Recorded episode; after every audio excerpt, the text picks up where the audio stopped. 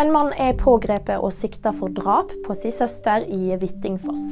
Politiet rykka ut til boligen til den avdøde lørdag formiddag, hvor de pågrep mannen som nå er sikta for drap. Både den pågrepne og den avdøde er i 70-årene. Jordans utenriksminister anklager Israel for krigsforbrytelser. Det gjorde han på en pressekonferanse i Jordans hovedstad Amman, der USAs og Egypts utenriksministre òg var til stede. Han understreker at USA har en viktig rolle i innsatsen for å få en slutt på Gaza-krigen. Courtney Kardashian og Travis Barker har blitt foreldre. Det melder det amerikanske magasinet People.